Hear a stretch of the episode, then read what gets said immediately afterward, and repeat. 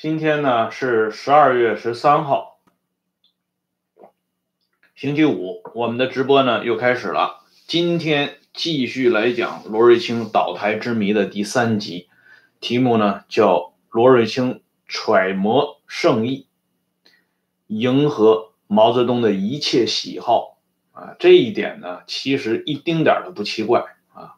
古人曾经写过一首诗，叫“楚王好细腰”。工人多饿死，投毛泽东所好，揣摩毛泽东的意思啊，这是一切毛泽东的亲信的必修课。事实上，这种事情一点都不值得大惊小怪。但是呢，党史教科书一直以来为了正面宣传这些无产阶级革命家的伟大形象，对此呢，经常是刻意的回避。事实上，把这些特征呢放到历史长河当中，他们是中国传统政治里边重要的组成部分。具体到罗瑞卿的身上，我给罗瑞卿总结了这么几句话：他之于毛泽东的关系，就是忠心耿耿、能力超群、心狠手辣、阿谀奉迎、专横跋扈。就这二十二十个字。事实上呢，罗瑞卿的这些事情，如果同历朝历代的那些宠臣进行一下对比，大家就会发现，一丁点儿都不稀奇。稀奇的是，那些个宠臣，因为已经堆积在沉淀的历史当中，我们可以尽情浏览他的负面的东西。而这位罗瑞卿呢，似乎呢，至今还活蹦乱跳的啊，活在一部分人的心目中，似乎呢，也不允许大家去触摸他真实的一面。但是咱们这个是党史，啊，讲究的是历史，讲究的是常识。昨天有人在吉鸿昌的那期节目里边不是回忆了吗？啊，在回复啊，他说这英雄也有七情六欲啊，英雄也喜欢美人儿。没错啊，英雄是有七情六欲，确实也喜欢美人啊，这是人之常情。问题是，英雄喜欢美人，最后因为玩弄女人而让人家给弄到国民饭店抓起来这件事情，为什么一直以来这个历史教科书没有向我们讲述呢？罗瑞卿，如果你只讲他忠心耿耿、能力超群，他能是一个完整的罗瑞卿吗？这个东西啊，它不是切猪肉瓣子啊，一刀下去半斤或者是八两，它是一个整体。所以，我们来讲罗瑞卿，必须要把他这几个主要的方面都讲到，还原一个真实的、鲜活的罗罗瑞卿，既不是党史教科书中的那个只讲他忠心耿耿、能力超群的罗瑞卿，也不是那些给林彪翻案的专讲这位专横跋扈。啊，心狠手辣的罗瑞卿，所以呢，今天我们来讲他其中的一个关键环节，就是逢迎、逢迎阿谀的这一面的罗瑞卿，在打倒罗瑞卿的时候，曾经传达过毛泽东的一个指示啊，各位朋友好啊，什么指示呢？毛泽东对林彪说过啊，罗瑞卿。反对你还没有反对我，他无非就是反对我在长江里游泳，那还是一片好意。其实罗瑞卿也没有真正的反对过毛泽东在长江里游泳。上一次节目我不是跟大家提过吗？罗宇有个回忆，就是毛泽东要到海里去游泳，电话呢打到刘少奇和周恩来那里边，刘少奇那边没有回应，周恩来呢？只是嘱托让汪东兴保护好毛泽东，也没有做过多的指示。实际上，刘少奇在这里的表现啊，如果仅仅看罗宇的回路，你会误认为啊，刘少奇怎么对伟大领袖的安危，呃，漠然置之呢？啊，其实不是漠然置之啊，只不过刘少奇是不敢触怒龙鳞呐，因为毛这个人是说一不二的。伟大领袖一旦定了的事情，谁也拦不住。啊，特别是像游泳这种事情啊，那是领袖一直非常喜欢的运动。刘少奇就不想自己去触那个眉头，因此呢，他没表示。周恩来呢是骑墙派，啊，他一定要做所做出所谓的表示，而这个表示呢，就是一下子把球踢到汪东兴那里。罗瑞卿确实反对过毛泽东的游泳啊，在李志绥啊，毛泽东的保健医生李志绥的回忆录当中提到过这一点，引发毛的勃然大怒。啊，甚至让罗瑞卿请假检讨，吓得罗瑞卿是魂不附体。但是那是仅有的那么一次两次。后来罗瑞卿就明白了，伟大领袖要游泳，你只能顺着伟大领袖的意思来办，把这个游泳的问题呢安排好。因此，罗瑞卿在五十岁左右，他硬是逼着自己学会了游泳。其实刚才我说刘少奇，刘少奇后来到什么程度啊？刘少奇也不会游泳。但是为了啊，也是为了迎合伟大领袖的喜好，最后发生了这样一幕：刘少奇在度假胜地抱着一只木板子，这都是一九六零年了。这个时候，刘少奇已经过了六十岁了。六十多岁的刘少奇抱着一只木板子在海里浮来浮去，最后呢，终于学会了游泳。所以后来伟大领袖游泳的时候，少奇同志也可以安然下水了。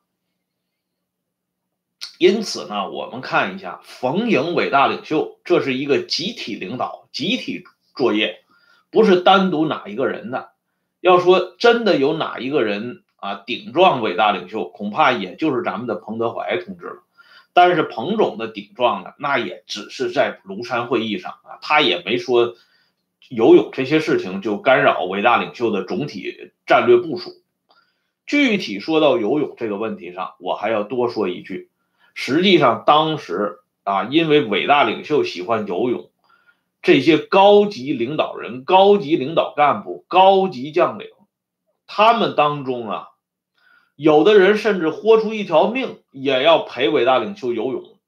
这里呢，我就提一个上将军啊，这是红四方面军著名的上将军，以后官至全国政协副主席、党和国家领导人的陈寨道。这个人呢是赫赫有名的七二零事件的主角之一，陈寨道陪毛泽东游泳，那是差点把命都豁出去了。为什么这么讲呢？我在吉鸿昌的那个节目里边不是说吗？吉鸿昌的外号“吉大胆”是怎么来的？那是因为他不会游泳，还跳到水里去救人，因此获取了“吉大胆”的外号。而这位陈寨道的陈大胆。那甩吉鸿昌吉大胆，他真的不知道几条街了。因为什么呢？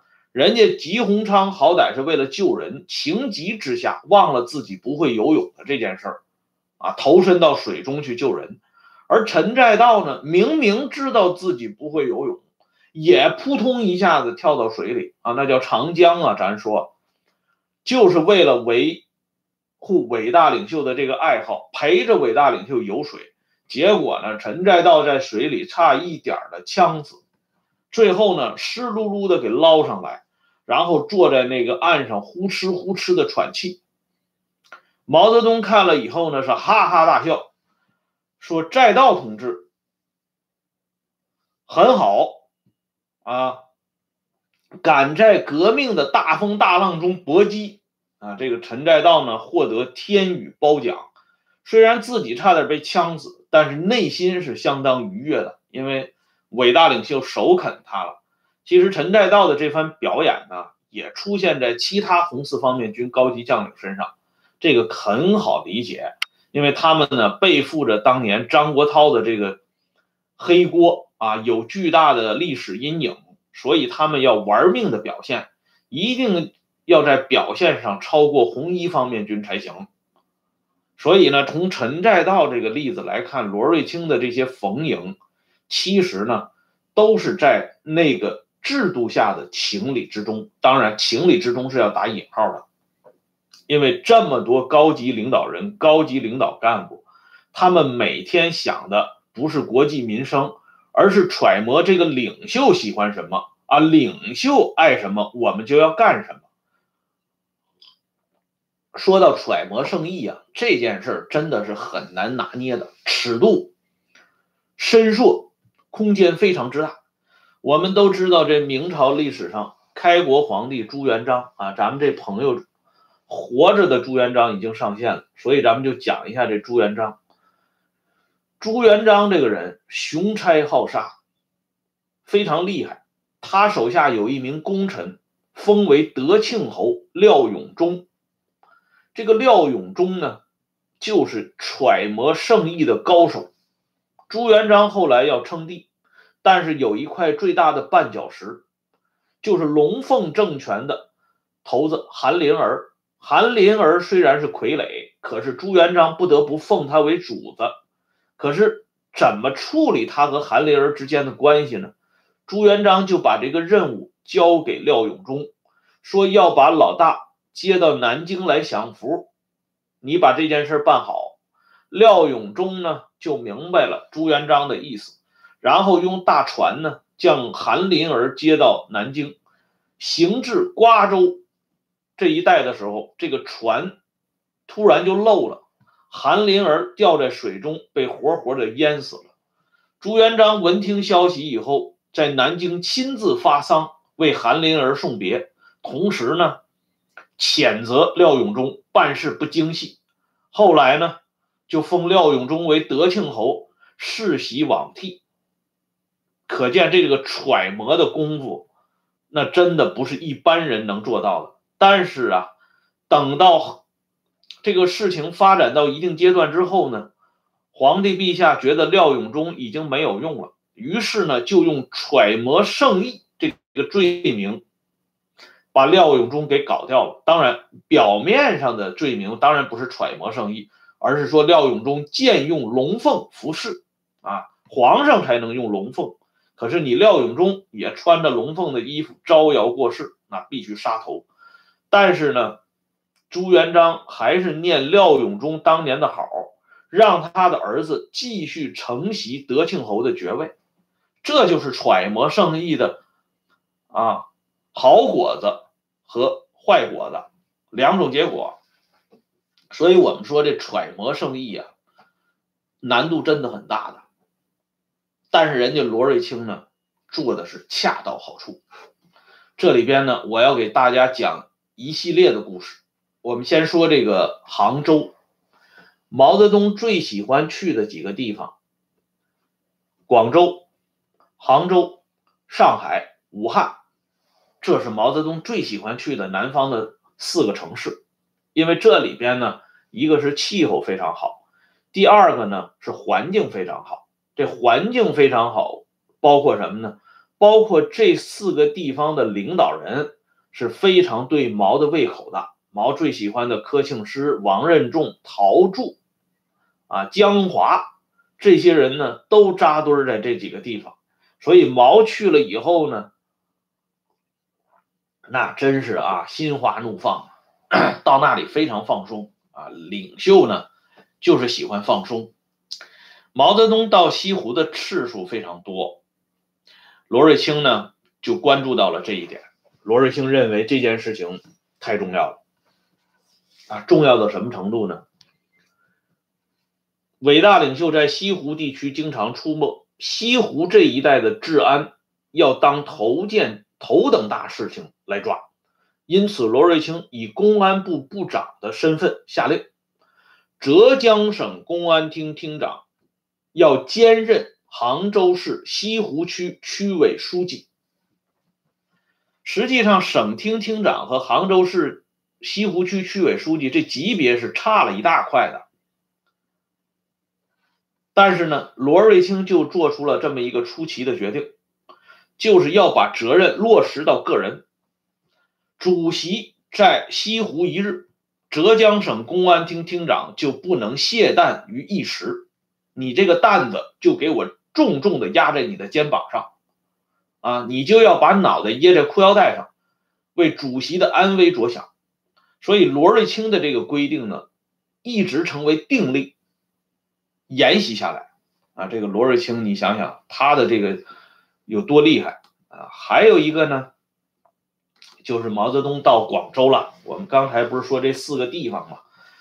毛泽东喜欢到广州啊。有一年呢，毛泽东到广州去度假，当时呢是时间是一九五六年夏天。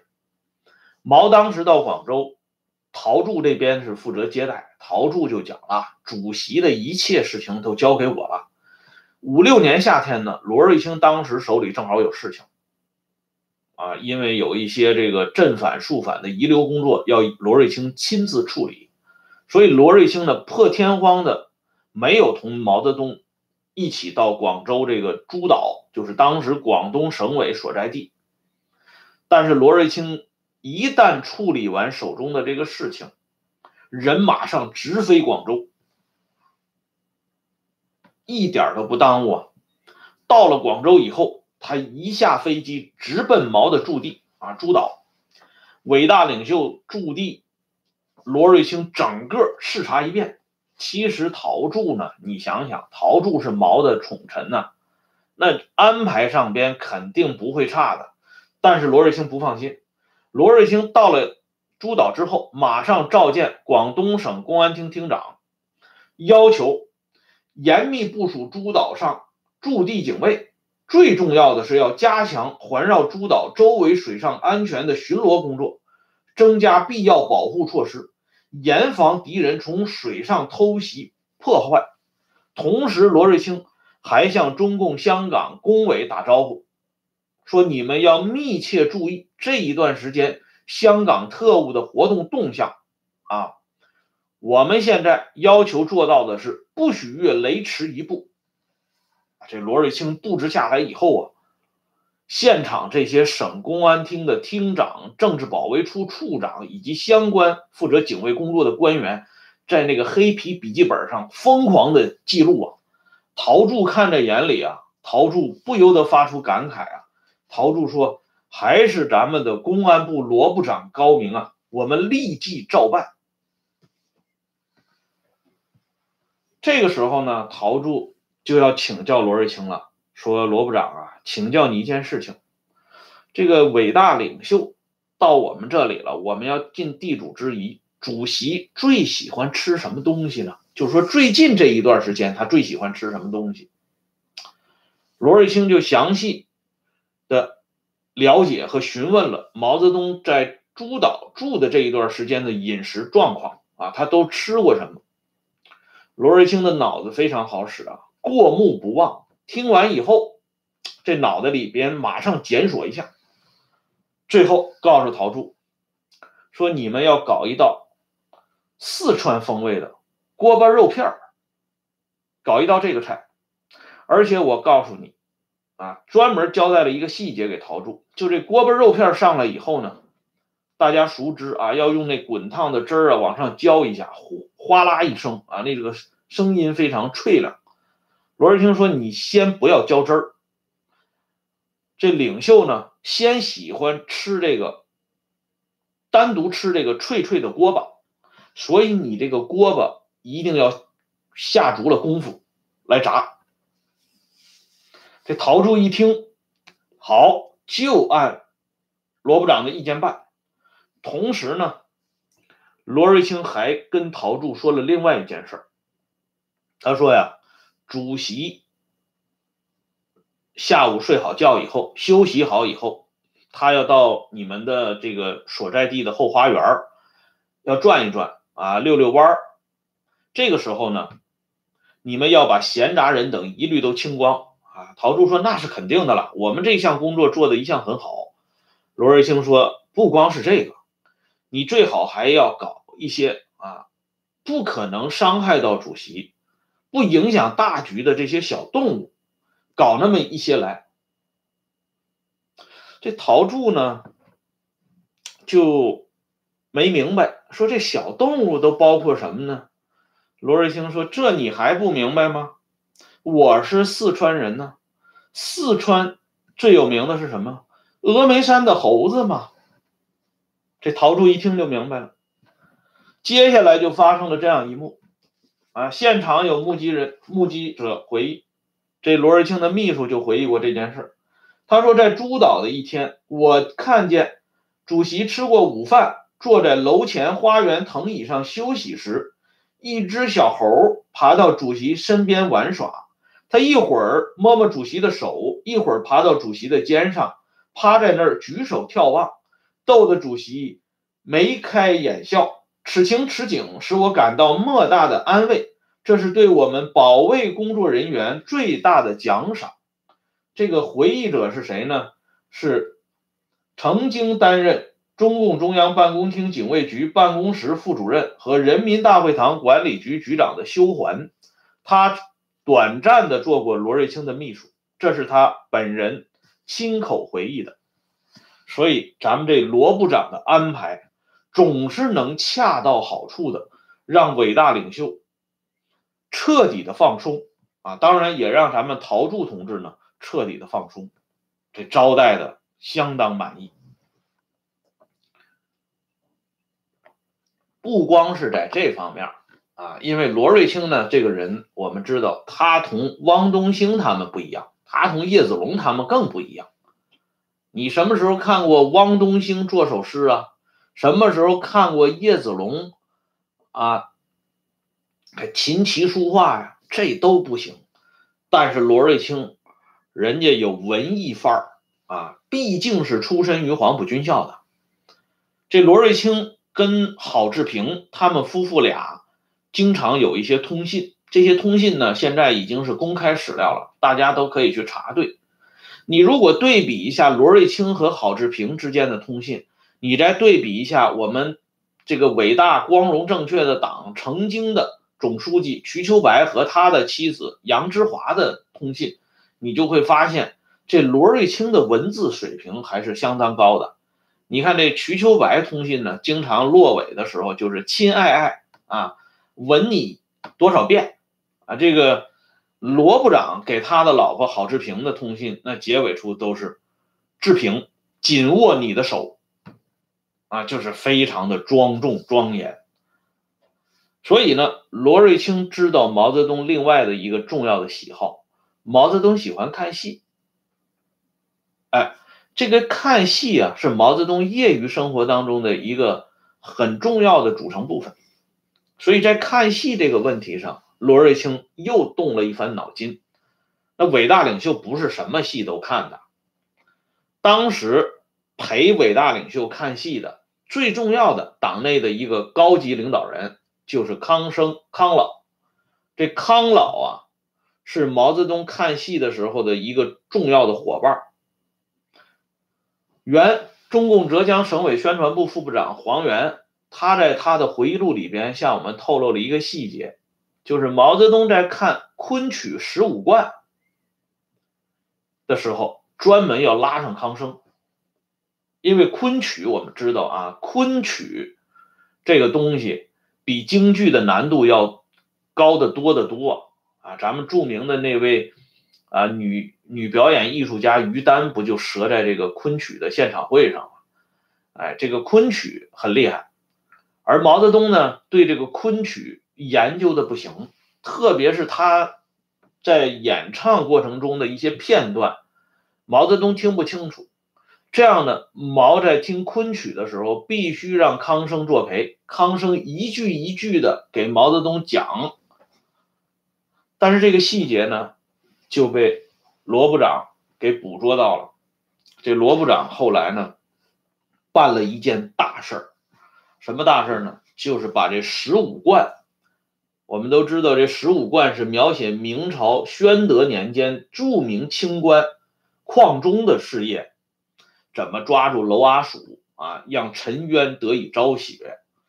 当时正是在抓这个公安工作，反对官僚主义，全国蓬勃兴起这场运动，正苦于没有典型。要抓一个戏剧，抓一个电影，这是党教育全体干部群众的一个重要手段。罗瑞卿一看机会来了，他就把这十五贯调到北京，让公安系统所有的干警都要观看十五万，宣传，并且呢，罗瑞卿亲自请了毛泽东到现场观看。人家是怎么请的呢？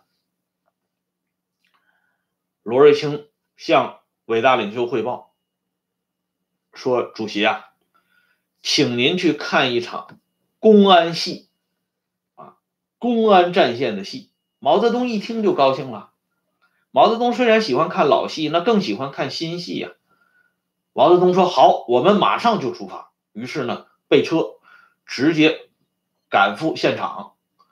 毛一看这十五贯。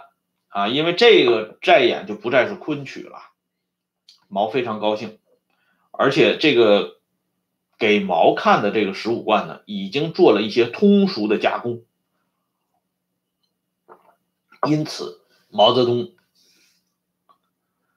相当赞赏罗瑞卿的所作所为，而且针对公安民警在执法过程中有一个重要的仪式。啊，大家都现在应该都还能够看到，这警察在执法的时候，比如说叫停您的违章车辆，他首先要给您敬个礼，然后呢再把这情况说一下啊。当然也有不敬礼的，但是敬礼的居多吧。这个敬礼，执法之前先给当事人敬一个礼的这个规矩，就是罗瑞卿发明的。这招啊，深得毛泽东的赞赏。哎，毛呢专门做出批示，向全国范围内推广。就是说，罗瑞卿通过与毛泽东的接触，对毛的一些喜好一点一滴的加以收集，然后呢细心揣摩，恰到好处的啊，让毛感到非常舒服。因为揣摩圣意呢，你如果往前再多迈一步。那就容易触犯老大的忌讳，因为老大经常要扮演最神秘的角色，啊，出出神入化，神出鬼没，让你们莫名究竟。这样呢，他才能稳稳的坐在老大的位置上。而你能够提前的把老大的答案说出来，你这不是找灭吗？所以这个尺度啊，非常难以拿捏。但是人家罗瑞卿呢，在当时的情况下。抓得很准。我再给大家讲一个例子，这个事情呢发生在一九五二年九月下旬。在一九五二年九月份的时候，毛泽东出过一次远门，到南方呢视察工作。这一次活动呢，啊，据说是跟一，同时也跟一件毛泽东私人啊方面的事情呢有直接关系。所以这一次伟大领袖的出行非常诡谲。诡谲到什么程度呢？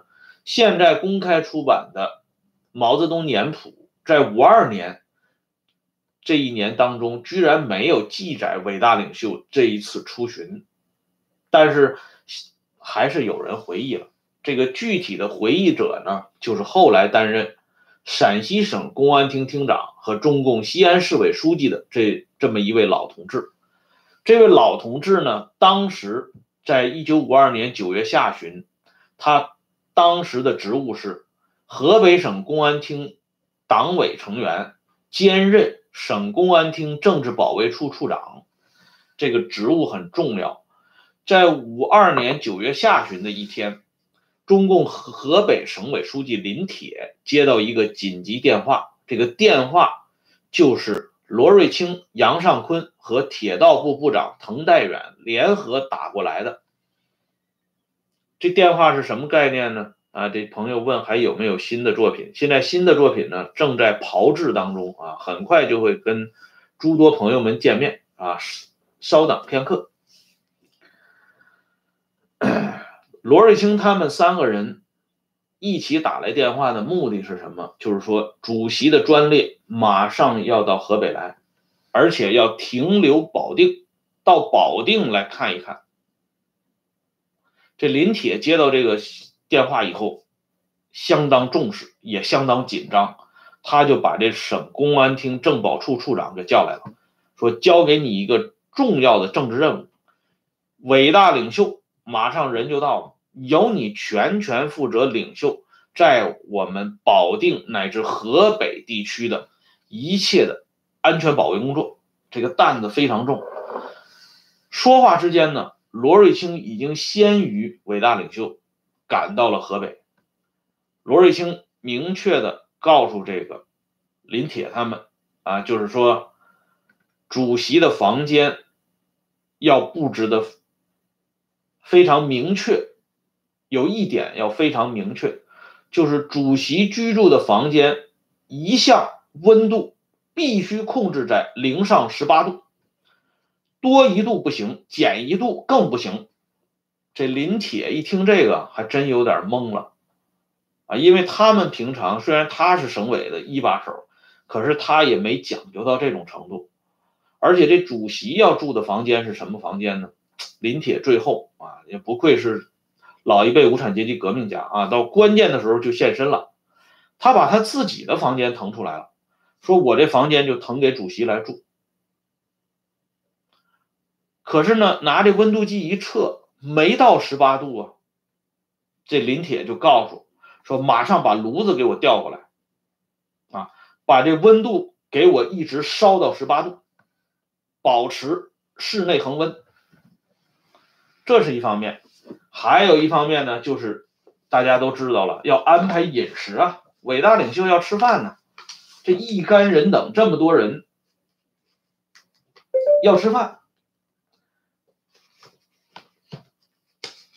这样呢，又做了一些新的安排，啊，毛泽东到了保定以后呢，下车啊，这人太多了，最后呢就安排在保定这个行署的这个餐厅里面，啊，到了餐厅以后呢，毛泽东坐在那里，就问，说保定有什么好看的？这政保处处长马上就汇报说，保定地区呢有朝坤花园。和莲池公园，伟大领袖啊，风尘仆仆啊，休息都没有休息，站起来就往外走，说我们马上去看一下朝坤的花园吗。啊，北洋军阀的大总统，伟大领袖抬屁股就走，后边的人自然是鱼贯而出啊。这样呢，就有一个非常有意思的事事情呢发生了，因为。伟大领袖自己带了一帮人，河北省当地呢还陪了一些人，这人呢都要坐车，于是呢这车就显得特别的多，而且呢这个调度车辆，哪辆车先走，哪辆车后走，这个政保处处长啊就忙的是不亦乐乎，满脑瓜子冒大汗呢，他唯恐出了出了什么变故。等到伟大领袖啊这个游玩结束以后。当时是九月下旬，正好是秋天。那一天晚上呢，这个当事人这政保处处长回忆，他说当时的这个天气非常好，那一天晚上月光皎洁，伟大领袖这个游玩的呢也非常舒服，于是呢就从车里边下来，由罗瑞卿陪着，在路边的石头上坐着啊，点上一支香烟，就在那儿休息。然后呢，这个政保处处长的工作没有结束啊，他要调动这些车辆啊，谁先走谁后走，谁怎么走，就就像热锅上的蚂蚁一样啊，团团乱转。伟大领袖看到这里以后呢，哈哈大笑啊。伟大领袖说什么呢？说天下大乱呐，天下大乱啊，连续说了两遍天下大乱。就在这个时候呢，罗瑞卿也突然哈哈大笑起来。我们都知道啊，这罗瑞卿嘴巴上挨过一枪，所以他平常为什么总是让人感觉他表情严肃呢？啊，经常有这个咬牙切齿的那种状态呢？就是因为他这个嘴巴不方便，笑起来呢也不容易。但是领袖已经哈哈大笑了，你公安部部长领侍卫内大臣，你怎么能不哈哈大笑呢？所以咱们这罗部长也哈哈大笑，而且呢，这政保处处长回忆说，这罗部长的嗓门更高啊。还补充了一句：“真是天下大乱呐！啊，这三个天下大乱，这一幕场景，如果没有这位政保处处长的回忆，我们是无从得知的。从这么一个小小的细节，我们都可以看出来，伟大领袖的每一个节拍，咱们的罗部长都是紧紧的跟随，而他揣摩伟大领袖的这个心思呢，也真是到了相当高的程度。好了。”今天的节目呢，就先说到这里。咱们明天呢，讲一下罗部长心狠手辣的一面。这一面呢，我相信有些朋友还真的不是不是特别了解。好了，感谢朋友们上来收看，我们明天接着聊，再见。